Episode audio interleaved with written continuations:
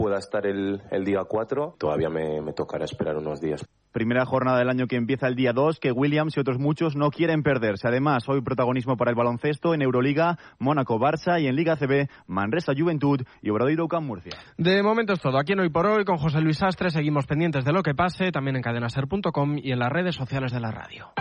Radio Manresa. Cadena Ser. Catalunya Central.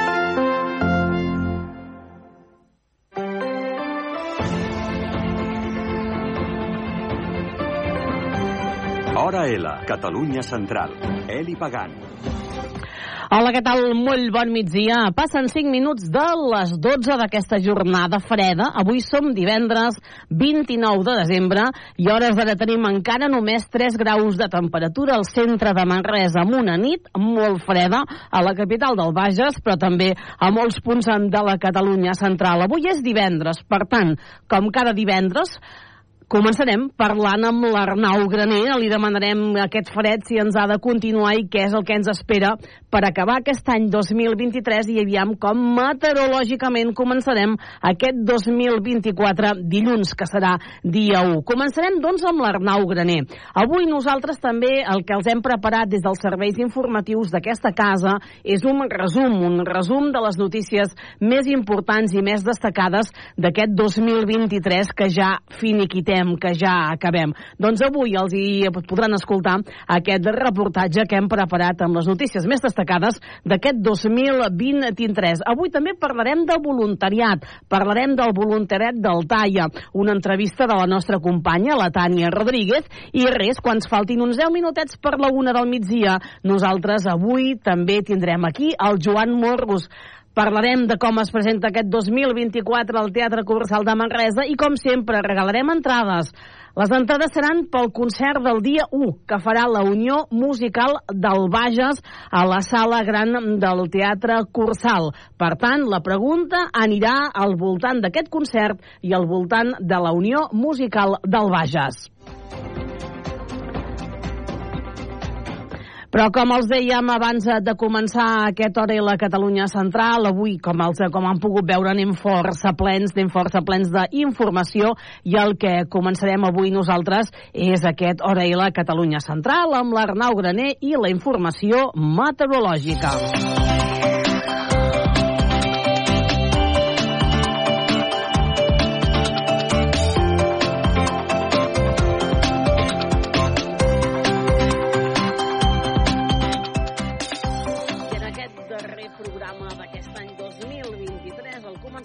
Els divendres, donem la benvinguda a l'Arnau Graner. Arnau, què tal, com estem?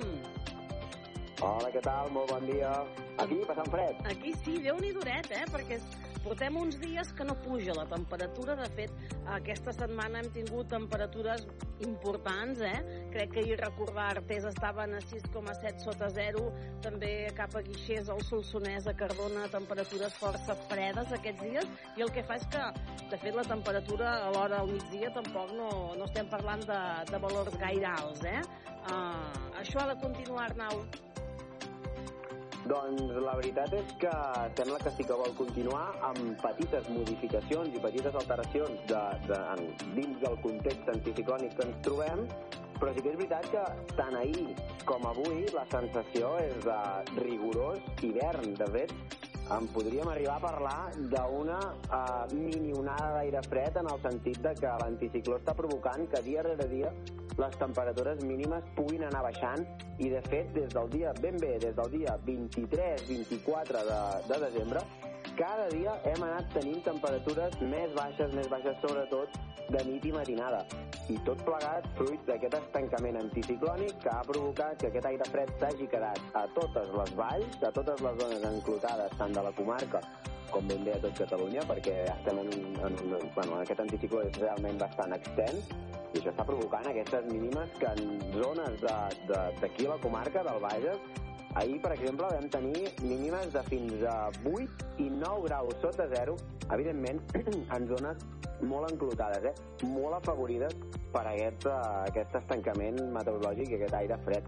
I unes màximes que, tret d'ahir, sí que es van enfilar força. Portàvem ben bé el dia 25, 26, 27, màximes al voltant dels 15, 16, 17, fins i tot algun 18, aquí en zones properes i és que és un anticicló que, mm, malauradament, no ens ha portat ni boira, com aquell qui diu. Un anticicló molt sec, amb poca humitat, i això també ha provocat doncs, que el sol pugui escalfar al migdia i hagi pogut fer remuntar el termòmetre. Ara bé, ahir, com bé deies, eh, la sensació va ser de cru hivern amb màximes que amb prou feines van superar els 5, 6, 7 graus a tot estirar a les zones més càlides del sud de la comarca, però li va costar moltíssim i és que a la cua d'aquests fronts que ahir ens va creuar, que avui ens en creua un altre, doncs provoca que la irradiació solar no pugui fer la seva feina i costi molt de que la temperatura es remunti. De fet, a hores d'ara, a zones d'aquí a la comarca estem entre els 2, 3, 4 graus a tot estirar, per tant la sensació és de ple hivern i el que dèiem, li costarà moltíssim altra vegada de remuntar aquesta temperatura. Arnau, què ens espera llavors aquests dies, aquest cap de setmana? De fet, eh, com començarem aquest, 2000, aquest 2024? Doncs mira, sembla que eh, avui el que dèiem, eh, molt de nuvolositat, sensació d'hivern, de cru hivern, eh, de cara al tarda, vespre, nit, però sobretot a la matinada. Aquesta nuvolositat ha d'anar marxant i ens quedarà un dissabte radiant, altra vegada, sense boires, amb mínimes que fruit d'aquesta nuvolositat és possible que els hi costi un palet de baixar, però en tot cas, si la nuvolositat eh, es desfà ràpid i marxa ràpid, tornarà a haver-hi mínimes clarament negatives, amb un dissabte radiant, sol, màximes que pujaran més que avui, evidentment, perquè avui li costarà més de que, de que el sol pugui fer, de, de que pugui escalfar, i diumenge a l'espera d'una altra cua de front que ens tornarà a portar un dia, un dia de cap d'any eh, rúfol, núvol, amb poques precipitacions, per no dir cap precipitació, tret de l'extrem nord del Pirineu, amb alguna nevada amb una cota de neu al voltant dels 1.500-1.600 metres, i a la resta, el que dèiem, sol, eh, bé, núvols degut a aquest, a aquest front, i poqueta cosa més a comentar. A partir de la setmana vinent, a partir de dilluns, dimarts i dimecres de la setmana vinent, estem a l'espera a veure què pot passar, què pot succeir, a veure si realment ens comencem a tenir uh, més moviment meteorològic, però ja sabem que tant al desembre com al gener són dos mesos tradicionalment molt anticiclònics aquí a casa nostra i de fet aquest any està quedant molt, molt palès. Pluja de moment no es veu per enlloc, Arnau. De moment sembla que no. No veiem perspectives de pluja, sí que veiem una miqueta algun canvi, alguna, algun moviment atmosfèric que pugui portar sobretot més aire fred aquí a casa nostra, per tant, eh, sensació de rigorós hivern, sobretot la primera setmana de gener, però pluges, precipitacions, no n'acabem de veure. Algun model ens dona alguna situació de sud-oest que podria portar més precipitació i neu uh, on realment la necessitem, que és a les capçaleres de les conques internes, però mm, són pinzellades, és algun model, no són tots, no són totes les sortides d'aquests mateixos models, per tant, no podem aventurar-nos a dir gran cosa més que fred i, de moment, anticicló. Doncs esperem que l'any 2024 ens porti forces pluges, eh, que és el que desitjaríem a tots, i que almenys puguem apaivagar aquesta sequera que malauradament ens acompanya i ja s'està convertint doncs, en, en persistent.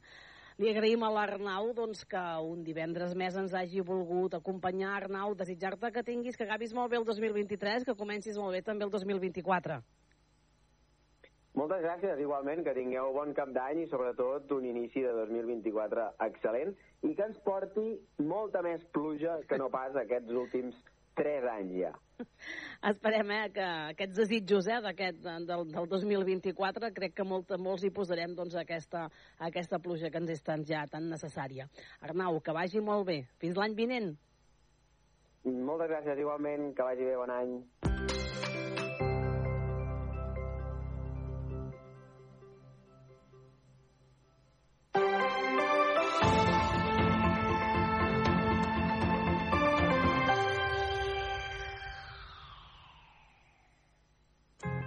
Concert de Buós del 2024 és a Manresa i no te'l pots perdre.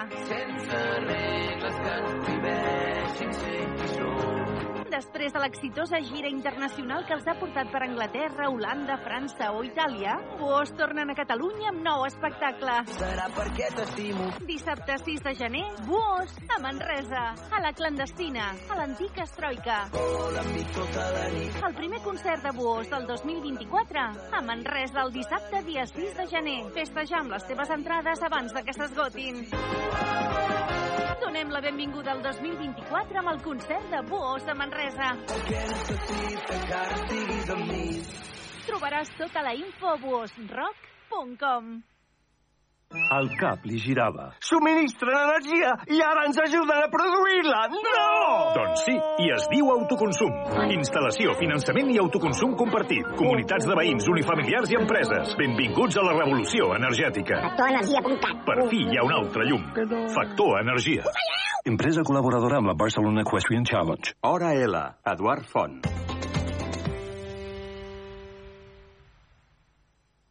En aquest informatiu de divendres, l'últim d'aquest 2023, és l'hora de fer repàs a les notícies més destacades d'aquest any.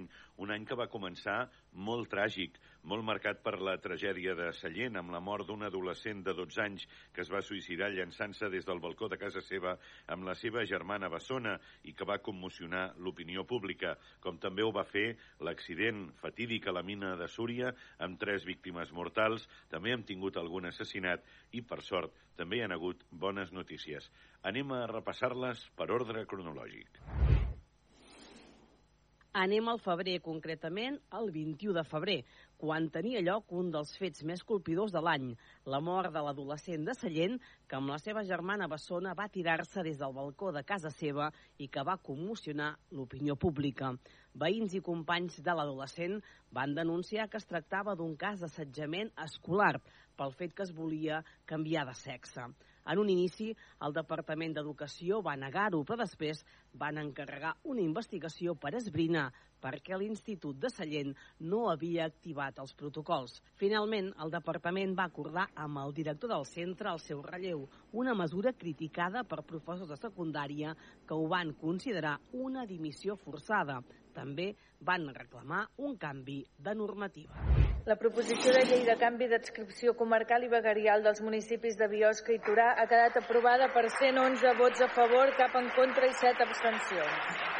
Ens n'anem ara al 7 de març, quan el Parlament va aprovar la llei perquè Torà i Biosca entressin a formar part del Solsonès.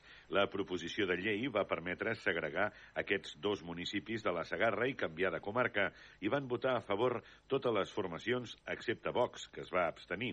Dies després, els plens municipals de Torà i de Biosca van ratificar per unanimitat i ho van qualificar de dia històric, culminant així un procés iniciat feia 13 anys i amb la creació d'una comissió que va treballar per aconseguir-ho.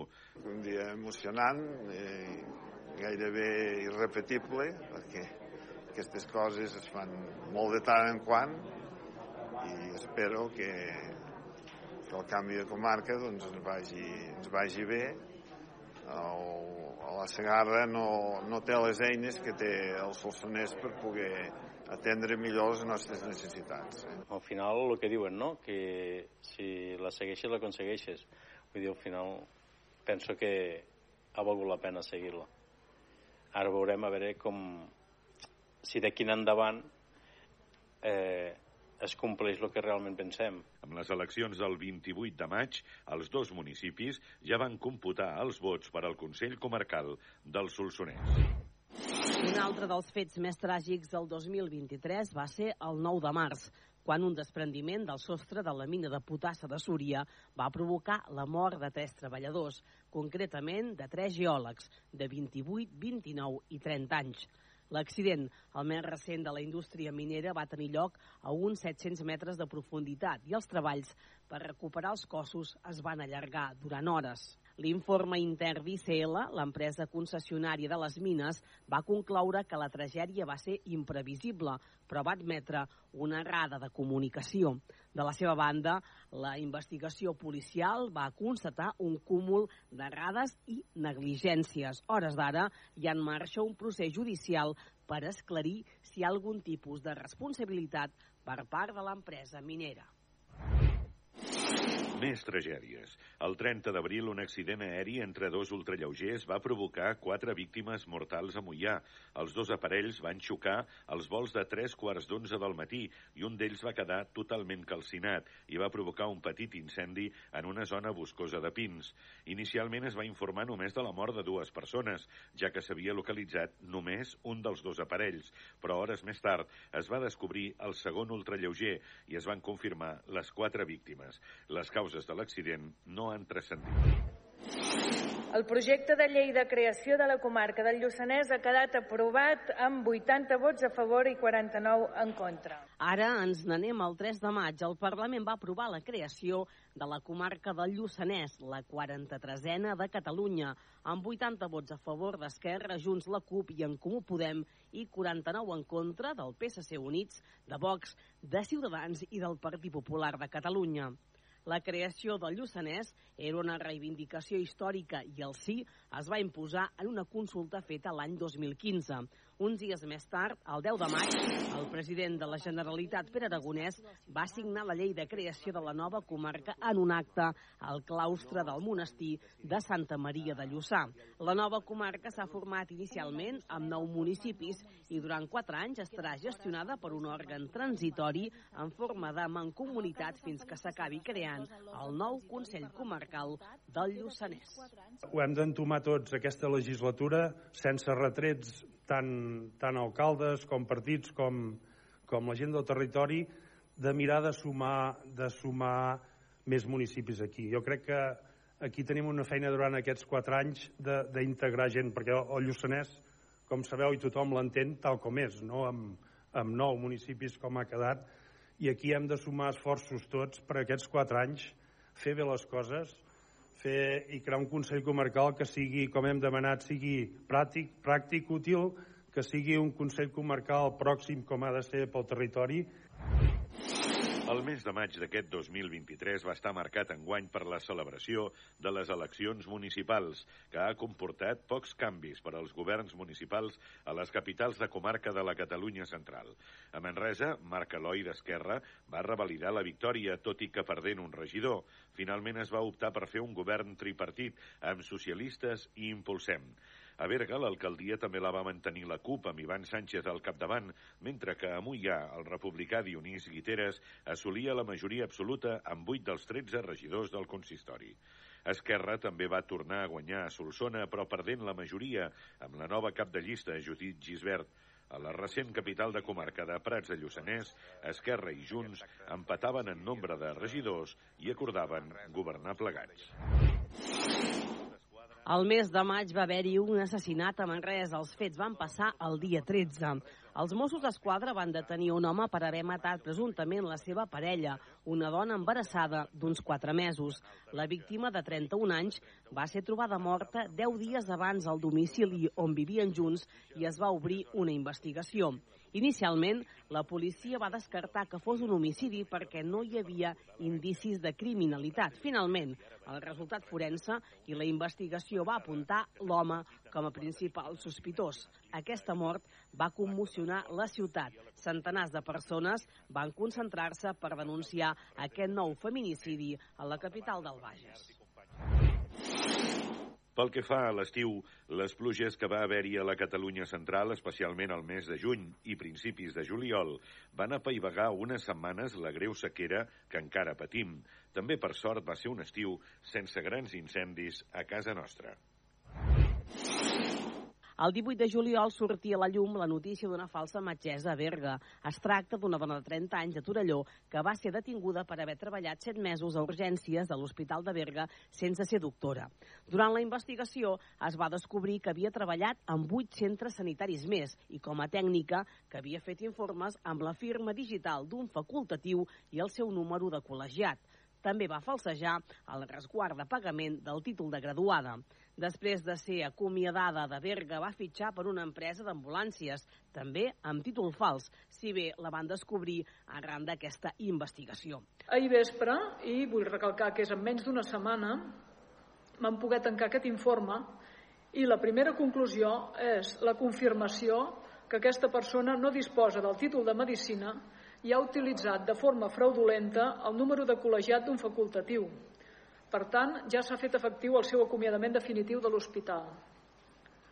Pel que fa a l'informe assistencial, podem assegurar que s'ha aplicat correctament el protocol intern de seguiment i control de les valoracions assistencials que fan els nostres metges júniors o les persones nouvingudes que puguin tenir eh, dificultats de coneixement del sistema. Per tant, aquesta persona va actuar sempre i en tots els casos que va atendre sota la supervisió d'un facultatiu. Els Mossos d'Esquadra la van detenir per quatre delictes d'intrusisme professional, falsificació de document públic i usurpació d'estat civil.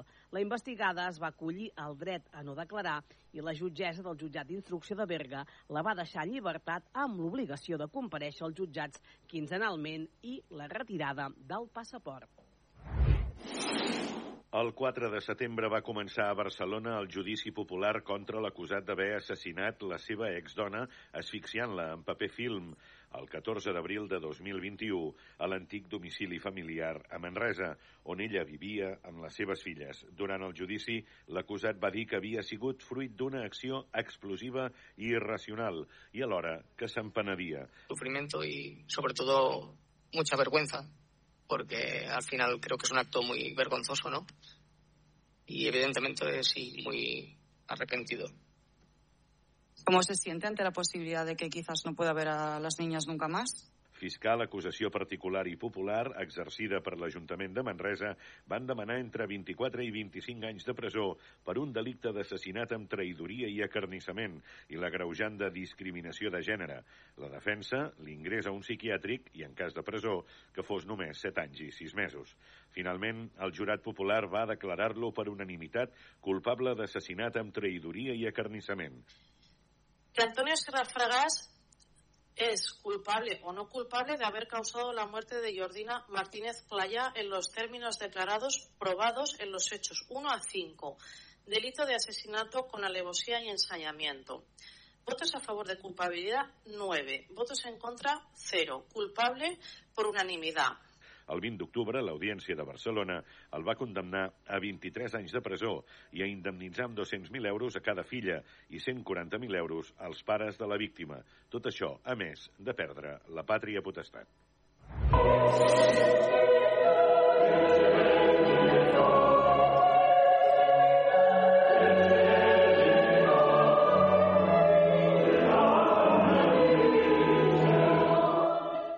Ens movem del setembre, concretament el dia 11, quan es van estrenar les primeres escolanes de la història de Montserrat.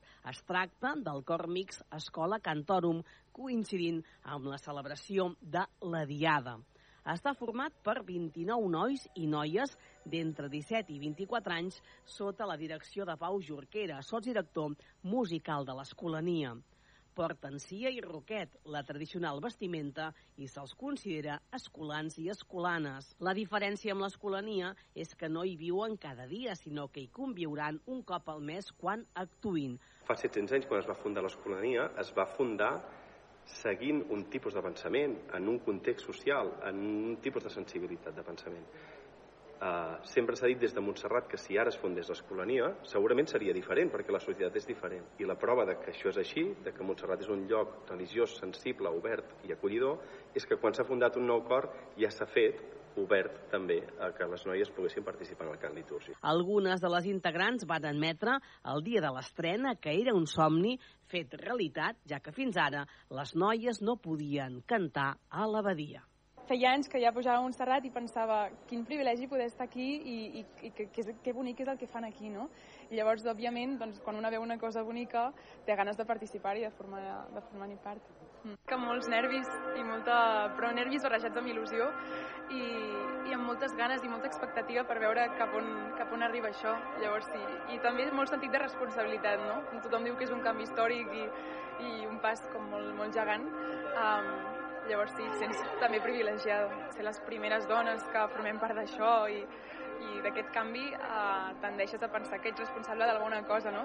Però al final, quan penses que realment el que has vingut a fer és eh, música i també servir a la pregària, no? I, i ajudar a qui vingui a, a pregar, eh, bueno, jo crec que la, la mirada canvia i, i ho veus com, com un pas més de, de la teva vida i una cosa com que realment serà molt maca.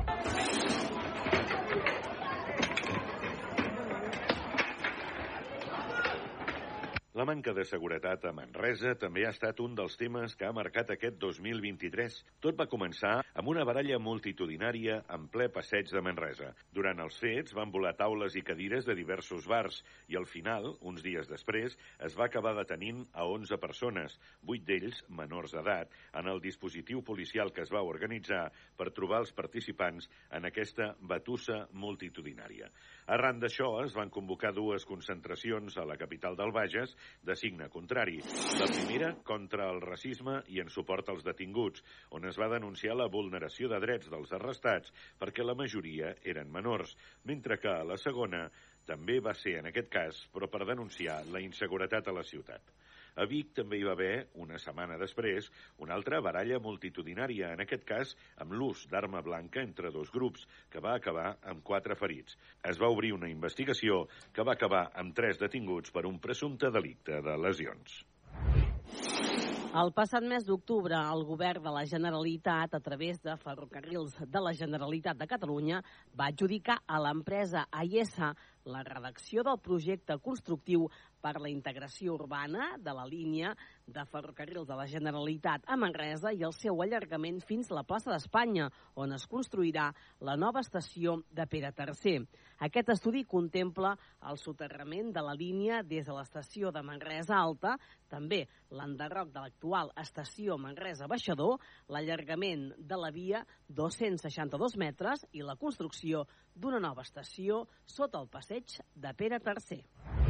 ああ。I a començaments de novembre el Departament de Territori adjudica les obres per a construir un tercer carril en un tram de la C55 per millorar la seguretat i la funcionalitat del trànsit. Amb un pressupost de 2,1 milions d'euros, l'obra s'enmarca en el pla d'actuacions del govern per a reduir les congestions, especialment en hora punta entre Castellvell i Manresa. L'obra permetrà millorar la funcionalitat de la C55 en aquest entorn, on la carretera té un carril per sentit, amb la construcció d'un segon carril en sentit nord entre Sant Vicenç i la Ronda de Manresa i d'una variant de caràcter urbà per reduir el trànsit a l'actual travessera de Castellgalí. Les obres començaran el primer trimestre de 2024 i s'allargaran cinc mesos.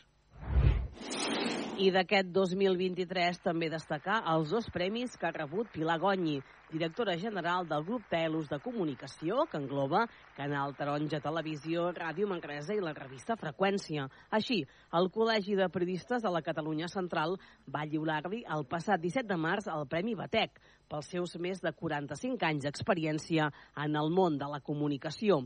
I el passat mes de novembre rebia el Premi de Bones Pràctiques en Periodisme Comarcal que atorga l'Associació de Dones Periodistes de Catalunya.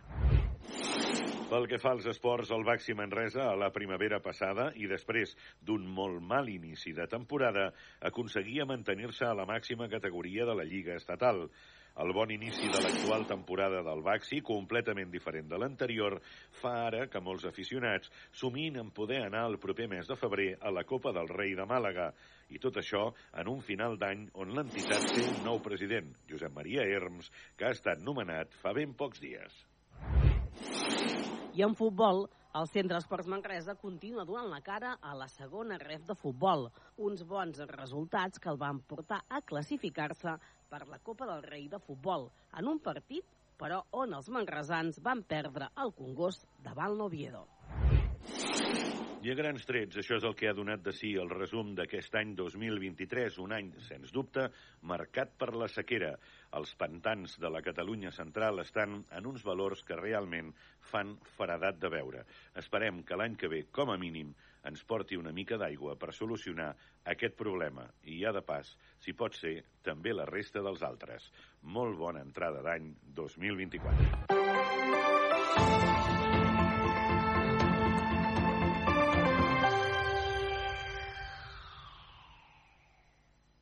El cap li girava. Subministren energia i ara ens ajuden a produir-la! No! Doncs sí, i es diu autoconsum.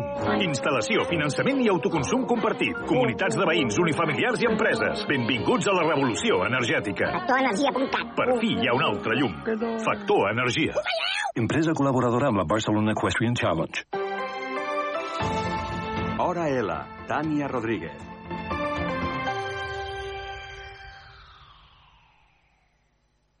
Solidaritat, generositat, compromís, companyonia... Són paraules que ens acompanyen aquestes festes de Nadal i que ens vinculen amb una activitat, la del voluntariat, que es desenvolupa durant tot l'any.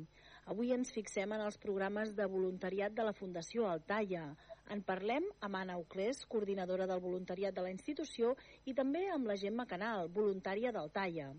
Saludem primer a Anna Euclés, coordinadora del voluntariat d'Altaia. Molt benvinguda, Anna. Hola, bon dia, encantada d'estar aquí amb vosaltres. Bé, Anna, d'entrada, explica'ns quins programes de voluntariat té la institució? Doncs mira, el tall és una xarxa assistencial i per tant consta de diferents centres sanitaris. Això fa que els programes, encara que alguns siguin semblants, s'han d'anar adaptant a les necessitats del moment i de cada un d'ells. El principal paper del voluntari i voluntària és estar al costat de les persones que per alguna raó visiten el tall. Tant pot ser doncs, per una hospitalització com per visites o per obres i els programes que hi ha doncs, eh, hi ha d'àmbit sanitari, social i d'altres demandes o adaptacions que poden sorgir durant, durant l'any. En principi, la primera presa de contacte que jo tinc eh, amb la persona interessada, doncs sempre intento de, de parlar si té alguna actitud a destacar, doncs, com pot ser que li agradi la pintura, manualitat, la lectura, i amb això, doncs, eh, si veig que pot encaixar en algun centre, doncs s'avalua i faig una proposta per tirar-ho endavant. Sempre busquem anar una mica més enllà, no? Mm -hmm. Per tant, hi ha una, una oferta àmplia, no?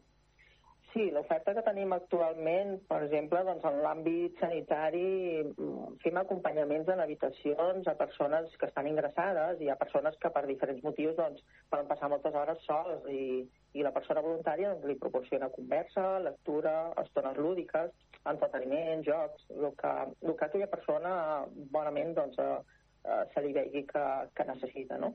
A nivell d'internet, doncs sembla que eh, hi ha gent gran doncs, que porta un telèfon però que, per exemple, no sap enviar un WhatsApp, doncs el voluntari està allà i si cal, doncs li ensenya a enviar un WhatsApp. Cosetes així, doncs, eh, per fer l'estada més amable possible a aquella persona. Mm -hmm. També, doncs, eh, donem suport al cuidador, que de vegades és, és la persona que, que, que cuida a, a la persona que està ingressada i, i de vegades doncs, donar-li un respir a aquella persona que porta moltes hores eh, com a cuidador doncs, també li va bé, no? poder sortir a fer coses quotidianes doncs, eh, com fer una dutxa o anar a menjar tranquil·lament. Mm. Acompanyaments de sortides lúdiques o, o fer alguna gestió amb residents de la residència de la llum, dinamitzar o ajudar en activitats de la residència també, com pot ser tenim un voluntari que ens fa un taller de teatre, eh, l'organitza ell, fa, bueno, eh, o, o dinamitza tot ell, i, i la veritat que, que és molt d'agrair també si hi ha alguna tasca, alguna activitat, com preparar una paella, una barbacoa, fer-li el, el dia a dia el, el millor possible, no? També a, a l'Hospital de Sant Joan de Déu, per exemple, doncs, a consultes externes també eh, tenim voluntaris doncs, per informar, orientar i acompanyar, més que, que informar és que la persona que és, de, de vegades que ve per una visita, una prova, doncs es troba una mica desorientat de, dins de, de l'edifici, que és molt gran, i, i bueno, el voluntari pot acompanyar-lo si cal doncs, fins a ben bé a la porta on s'ha de fer aquella visita i això és molt, ho agraeixen molt, no? També poden fer acompanyaments mm, a pacients que arriben en transport sanitari des d'altres centres, que venen sols a fer-se una visita una prova i perquè no estiguin sols, doncs eh, posem un voluntari i tota l'estona que estigui aquí, fins que marxa una altra vegada amb el transport sanitari, doncs estigui acompanyat a nivell d'àmbit social, aquest any hem engegat una nova activitat que es diu Fem Vida Social, que som, eh, està, eh, és per persones eh, grans, eh, que són eh, acompanyaments a persones grans que encara segue, que siguin, eh, són, segueixen perdó, autònomes per caminar, però que tenen por de sortir per alguna raó. O perquè han caigut, o perquè es maregen, o perquè ara porten caminador, i deixen de sortir al carrer sols. Llavors eh, posem un voluntari que el van a buscar a la porta de casa i fem doncs, el que aquella persona li vingui de gust. Si vol anar a passejar, passejar per la, per la zona, o anem a prendre alguna cosa. És una forma de, de que segueixi sortint algun dia de casa. Eh, també fem informació a pacients i familiars diversos, no? sobre vacunacions o sobre la nostra app, l'app d'Altalla, que ens proporciona molta informació, que és tan important, no? que, que és una eina molt eficient que, que la veritat que, pots entrar allà i veure tot el que hi ha, el que pots fer, el que si t'han canviat una hora de visita o si tens una... Eh, no me'n recordo de l'hora que tinc, ho puc mirar, o fins i tot doncs, eh, mirar en temps real una intervenció d'un familiar eh, de si està dins de quiròfan o si ja ha sortit de quiròfan, no? És, és una eina molt, molt important. També tenim una activitat de màgia, tenim un voluntari que és mag i que ens ve un dia a la setmana a pediatria i ens fa una activitat de màgia. I d'altres, doncs, com nos suporten esdeveniments del talla, com pagadetes solidàries, que es fan per ajudar també a projectes engegats per diferents unitats d'aquí de, eh, bueno, diferents projectes que es fan aquí a la casa, suport també en diferents serveis en tasques diverses de mecenatge, participació, acompanyament en diferents actes. Tenim un servei d'una perruquera, que també ens dona un servei de perruqueria per a persones hospitalitzades amb molt pocs recursos, que tinguin una necessitat i llavors també activem i ens ve i ens fa aquest servei. I com a projecte 2024 et puc avançar que, bueno, que engegarem una biblioteca, una petita biblioteca, no, no és, és serà petitona perquè no tenim un lloc eh, molt gran, però que, només, bueno, que ser, no només servirà per cedir llibres als pacients eh, hospitalitzats, que ens ho demanen, sinó que també els voluntaris podran ser els lectors d'aquests llibres en cas que l'usuari els necessiti. Hi ha persones que poder els hi agrada molt llegir i per qualsevol cosa doncs, eh, ara no ho poden i, i aquest voluntari doncs, li podrà llegir. Mm -hmm veig que hi ha moltes tasques a triar, eh? Però, sí. però Anna, tothom pot ser voluntari o s'han de complir uns requisits en concret? No, eh, sí, tothom pot ser voluntari, sempre que senti la il·lusió i les ganes d'ajudar altres persones de forma altruista. Tots els voluntaris tenen un factor comú, per mi, eh? eh tots volen, em diu, volen ajudar sense, sense esperar res de canvi. O sigui, els voluntaris són persones que dediquen el seu temps a ajudar altres millorant la seva qualitat de vida. O sigui, el que donen diuen que ho reben. Uh -huh. I és que el voluntariat ajuda a millorar, no? com dius, la vida de qualitat dels pacients del talla, però també tenen beneficis a les persones que decideixen regalar el seu temps. Quins serien aquests beneficis? La implicació i compromís dels nostres voluntaris contribueix molt a fer més agradable l'estada de les persones i les seves famílies de la Fundació de Talla. Eh? La, tasca, la seva tasca és complementària a la dels professionals, evidentment, Eh, principalment es volen humanitzar les estades dels usuaris i les seves famílies, promovent activitats o fent acompanyaments on sovint afloren sentiments. Això sí que m'ho diuen els voluntaris. Jo crec que les persones que entren a formar part de la gran família del voluntariat tenen un do especial que a la vegada que ajuden senten una satisfacció interna que els omple. Això fa que sentin una humanització especial. Molts d'ells em diuen, Anna, m'omple més el que rebo que el temps que els hi dono penso que és el més important, que la persona voluntària s'ompli d'aquests valors tan humans i quan sortim per la porta doncs, d'aquí de, de, del doncs, que marxin amb aquesta satisfacció pròpia. Eh? Uh -huh. I Anna, si algun dels oients que ens està escoltant diu mira, és que jo vull fer-me voluntari del talla, què hauria de fer? Doncs simplement posar-se en contacte amb mi a través del correu electrònic, mm, és voluntariat arroba altalla.cat o a través del telèfon 608 85 75 15, els dies laborables en horari del matí. Sí que és veritat que el més factible és el correu electrònic, perquè de vegades doncs, per alguna reunió per el que sigui, per telèfon no sempre el puc atendre. Eh? Eh, a través d'aquí doncs, posem una data per fer una entrevista, en la qual jo li explico el ventall de possibilitats que hi ha, i en cas que la persona li encaixi alguna, li comento la documentació que es requereix. Una cosa que és molt important, que em pregunten molt sovint, és l'horari. Llavors, eh, aquest sempre el posa eh, el mateix voluntari que diu els dies i les hores que pot dedicar. El que sí demanem és que, o agraïm molt, és que hi hagi un compromís, un compromís no? que una vegada eh, es pacta un horari, doncs que, que sigui aquell per, per donar sempre el millor servei a, als usuaris que ens visiten. Eh? Mm -hmm. Doncs Anna, moltíssimes gràcies per les seves paraules. Moltes gràcies a vosaltres i molt bones festes a tothom. Saludem ara a la Gemma Canal, que ella és voluntària del Taia. Benvinguda, Gemma. Hola, benvinguda, gràcies. Bé, deia que vostè és voluntària del Taia. Expliqui'ns una miqueta des de quan eh, és voluntària i quina és la seva tasca. Uh, doncs mira, jo fa aproximadament un any i mig que, doncs, que estic fent de voluntària amb el TAIA, concretament al centre hospitalari. Aleshores, doncs, bueno, la tasca que jo faig és més d'acompanyament. Jo dedico un dia a la setmana, dues, tres horetes, depenent de la disponibilitat, i faig doncs, acompanyament doncs, a la gent que està allà.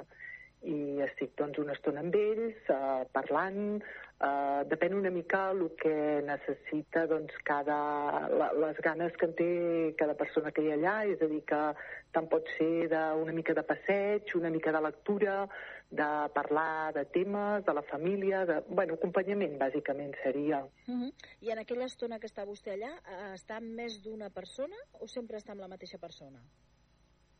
Com vols dir? Que si estic jo... Uh, uh, no, no, l'estona que estic jo allà, aquestes dues, tres hores, no, estic amb diverses persones, és a dir, anem d'una habitació cap a l'altra. Puc dedicar 10 minuts, un quart, doncs, amb un, amb un malalt, i llavors, doncs, bueno, en una tarda potser n'he vist de 5, 6, depenent. Depenent mm -hmm. les ganes també de parlar i de companyia que tingui la gent, però sí, sí, 5 mm, o 6, ben bé. Uh -huh. I per què va decidir vostè apuntar-se al voluntariat del Talla? I no sé si és difícil de compaginar-ho amb el seu dia a dia. No, la veritat en el meu cas no, perquè intento una mica el tema logístic a casa, doncs deixar-me una tarda a la setmana, deixar-me un parell d'horetes o tres per, per poder dedicar-ho a això. Uh, jo em vaig decidir apuntar-me perquè la meva mare doncs, va ser un cas doncs, així bastant proper. La meva mare la van operar per, per una pròtesi al genoll i per temes familiars doncs, no la van poder atendre, no podíem estar les 24 hores amb ella i va estar doncs, al centre hospitalari.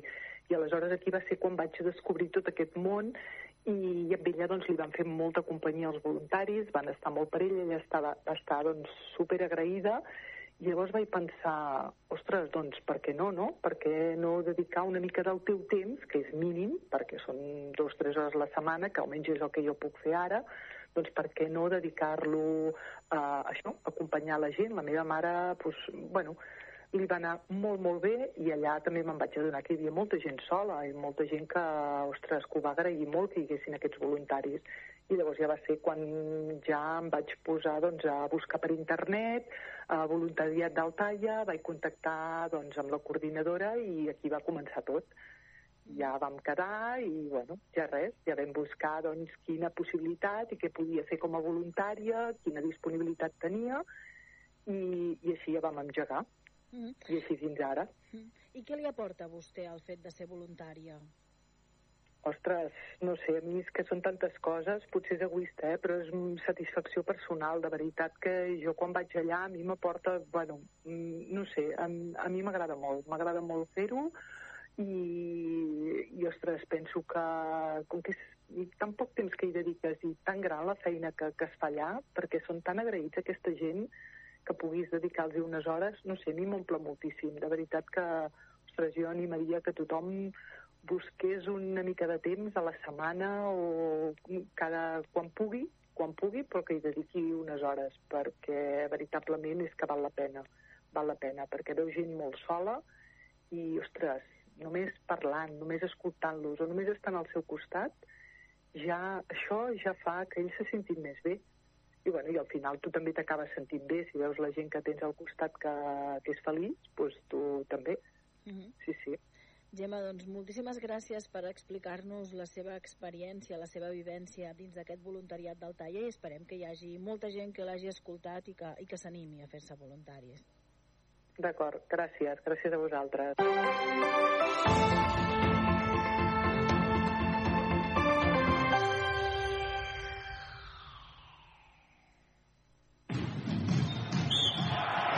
Bàsquet a Ràdio Manresa. L'equip encapçalat per Carles Coder i Josep Vidal t'ho expliquen tot el detall, amb prèvies, narracions, entrevistes i anàlisi de cada partit. 95.8 FM, radiomanresa.cat i aplicacions per iOS i Android. Aquest divendres, a partir de les 8 del vespre, Baxi Manresa, Joventut de Badalona. Amb el patrocini d'Equívoc Albert Disseny, la taverna del Pinxo, Expert Joanola Fotomaton, Control, Frankfurt Cal Xavi, GST Plus, Viatges Massaners i Clínica La Dental Hospital Doctora Marín. El primer concert de Buós del 2024 és a Manresa i no te'l pots perdre. Sense regles que ens prohibeixin ser qui som. Després de l'exitosa gira internacional que els ha portat per Anglaterra, Holanda, França o Itàlia, Buós tornen a Catalunya amb nou espectacle. Serà perquè t'estimo. Dissabte 6 de gener, Buós, a Manresa, a la clandestina, a l'antic Estroica. Tota. El primer concert de Buós del 2024, a Manresa el dissabte dia 6 de gener. Festejar amb les teves entrades abans de que s'esgotin. Donem la benvinguda al 2024 amb el concert de Buós de Manresa. Trobaràs tota la info a buosrock.com Vols aconseguir un cabell bonic i sa? Doncs ara és el moment que et posis en contacte amb Núria Serratosa Perruquers i preparis el teu cabell per l'arribada de l'hivern i lluï com mai per aquestes festes. Presumeix d'un cabell cuidat i d'escàndol, amb els tractaments i productes 100% vegans que trobaràs a Núria Serratosa Perruquers. Perruqueria unisex i per a totes les edats. Truca reserva hora al 93 874 43 64 i posa't guapa. Plaça Bages 14, primer primera de Manresa. Núria Serratosa Perruquers. Cuidem la salut dels teus cabells. Hora L, Catalunya Central. Eli Pagant.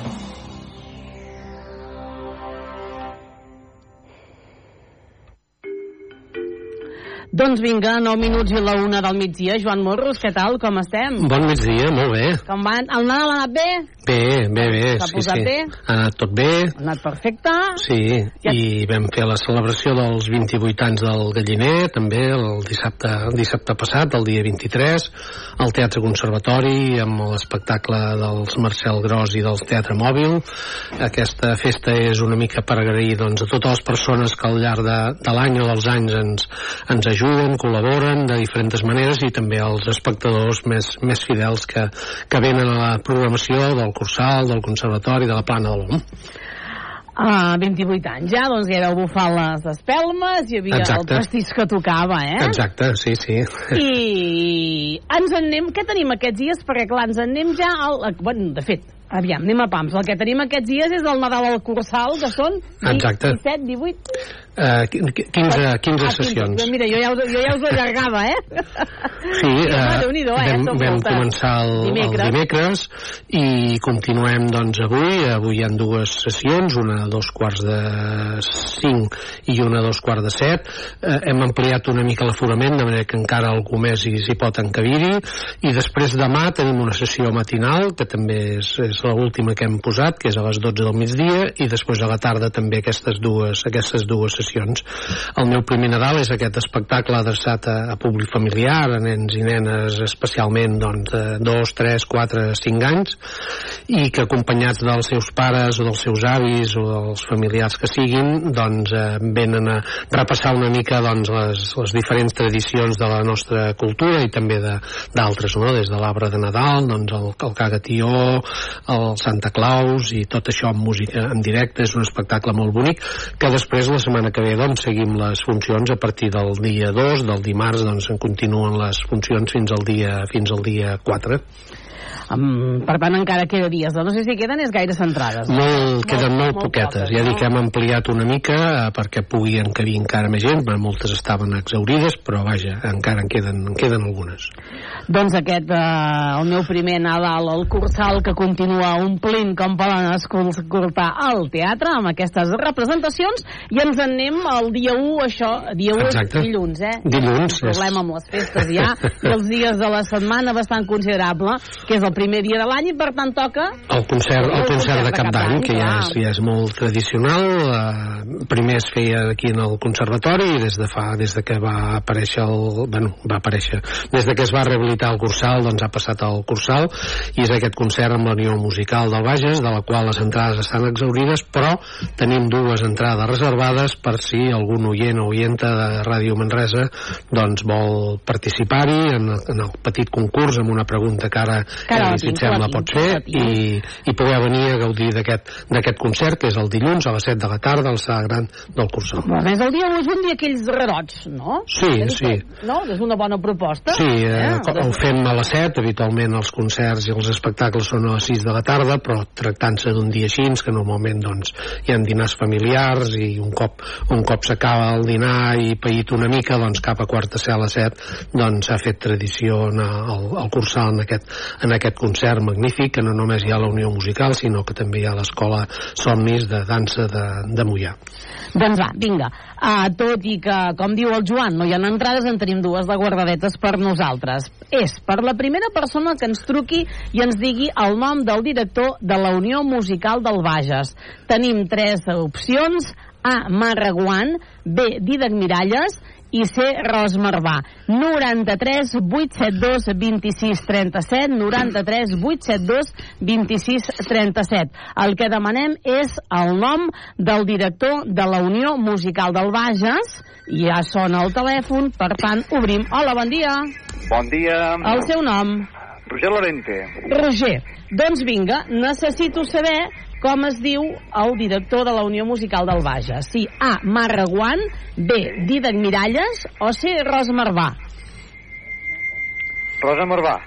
Eh, no, Doncs no. Roser, ho sentim, ho sentim molt, no ho és. però gràcies a tu la proposta queda ja amb el 50%. Exacte. gràcies i bona, Adéu-siau. bon any. Bon Roser. any, adéu-siau. Adéu, adéu. Doncs vinga, 93 872 26 37. Hola. Hola. Hola. El seu Hola. nom? Oi, hola. Maria Isabel Sánchez. La Maria Isabel, Hola, bon doncs, dia. bon dia, ara sí. Maria Isabel, ens hauria de dir qui és el director, si el Marraguant o el Didac Miralles. El Didac Miralles. Molt bé. Molt bé, doncs Isabel, eh, gràcies per trucar, per participar. Efectivament, el Didac Miralles és de ja fa molts anys el director de la Unió Musical del Bages i tindràs aquestes dues entrades, aquestes dues invitacions a les taquilles del Cursal. Si vols passar avui o demà dissabte No, per buscar-ho, passar el mateix doncs dia, el mateix perquè- dia, les taquilles les obrim a les 6, a les 6 de la tarda i al teu nom tindràs aquestes dues entrades Molt i gràcies per participar i bon Molt bé, any i bon any bones per festes. tots I per tothom. Que vagi tot molt bé. Gràcies Molt per bé, trucar. Adéu-siau, Adéu, adéu-siau. adéu. Doncs Adéu, mira, adéu. ja les hem repartit, eh, aquest concert dia 1, Cursal i el Didac Miralles, que és el director de la Unió Musical del Bages. Joan, i llavors ja ens en anem mm, ja ens en anem a la...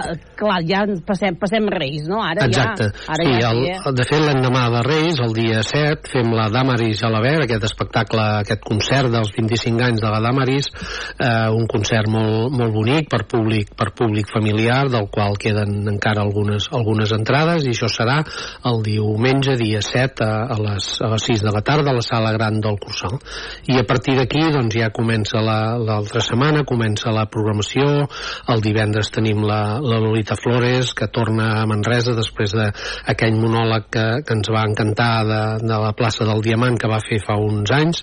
Aquest any ve amb una altra, amb una altra obra, en aquest cas es diu Pòncia, i això serà el divendres dia 12, a les 8 del vespre, a la sala gran del Cursal, aquesta gran eh, actriu que és eh, i, eh, Lolita, Lolita Flores. El 2024 s'us presenta bé, Joan, eh? Sí, Sempre molt sí, sí. de cosetes, És eh? una programació molt, molt variada, tenim, tenim dansa amb el, ballet, eh, amb el ballet de Cuba, tenim també balladare la, amb, el, amb la gent del ballet de Manresa, Mhm. eh, del Manresa Teatre Musical, el ballet clàssic de Manresa, que, és, que és a benefici del Talla, Talla, mhm. i després tenim màgia amb el, amb el McLari, que celebrarem els 17 anys del, de la recuperació del, del Cursal, tenim la nit, la nit del Genis, que això serà ja també el, aquesta setmana, l'altra setmana, concretament el dia 13, que és aquest, aquest clàssic eh, espectacle internacional de diferents mags de tot el món, i el diumenge, el diumenge dia 14 tenim també un concert que serà molt, molt bonic, que és el,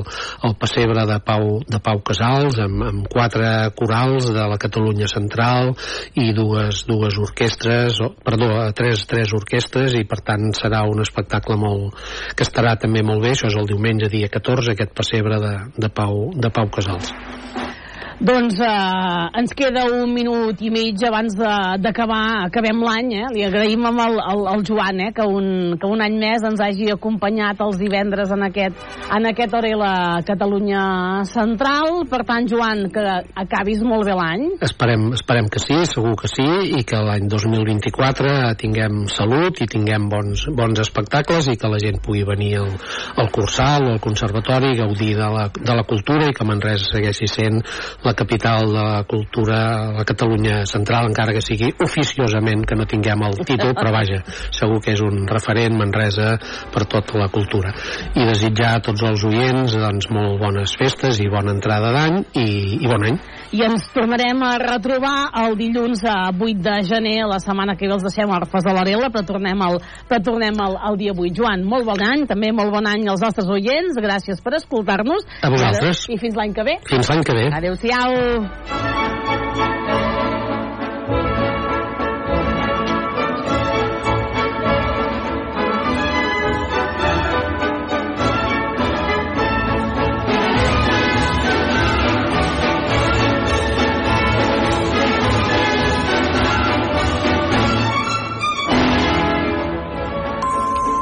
Es la una, son las 12 en Canarias.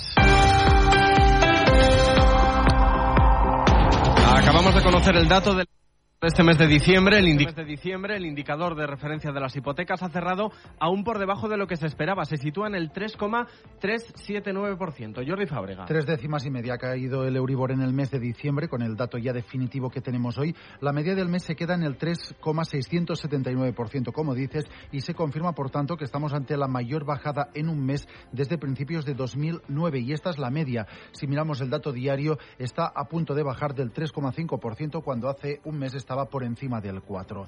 Esto traducido a las cuotas de las hipotecas supone que las hipotecas de 150.000 euros a 25 años que se revisen cada seis meses bajarán unos 30 euros cuando se aplique su revisión. En cambio, las que se renuevan una vez al año aún serán un poco más caras. En este caso, la subida será de unos 50 euros, pero todo apunta a que la bajada de las cuotas de todas las hipotecas variables está ya a la vuelta de la esquina. Gracias, Jordi. El nuevo ministro de Economía ha prometido ya su cargo ante el rey. Es Carlos Cuerpo. Sustituye a partir de ahora a Nadia Calviño en el cargo. Ya está publicado su nombramiento en el Boletín Oficial del Estado, pero no es la única novedad. María Jesús Montero pasa a ser vicepresidenta primera del Gobierno y la cartera de Función Pública, que hasta ahora dependía de Hacienda, pasa al, minis- al Ministerio de José Luis Escriba. Desde el Partido Popular, su responsable económico, Juan Bravo, le ha transmitido la enhorabuena al nuevo ministro a través de las redes sociales. Le ha deseado éxito, pero ha aprovechado también para cargar contra Pedro Sánchez. Dice que demuestra lo que le importa a la economía al quitarle la vicepresidencia al Dice Juan Bravo también que Cuerpo tendrá que arreglar el fracaso asegurado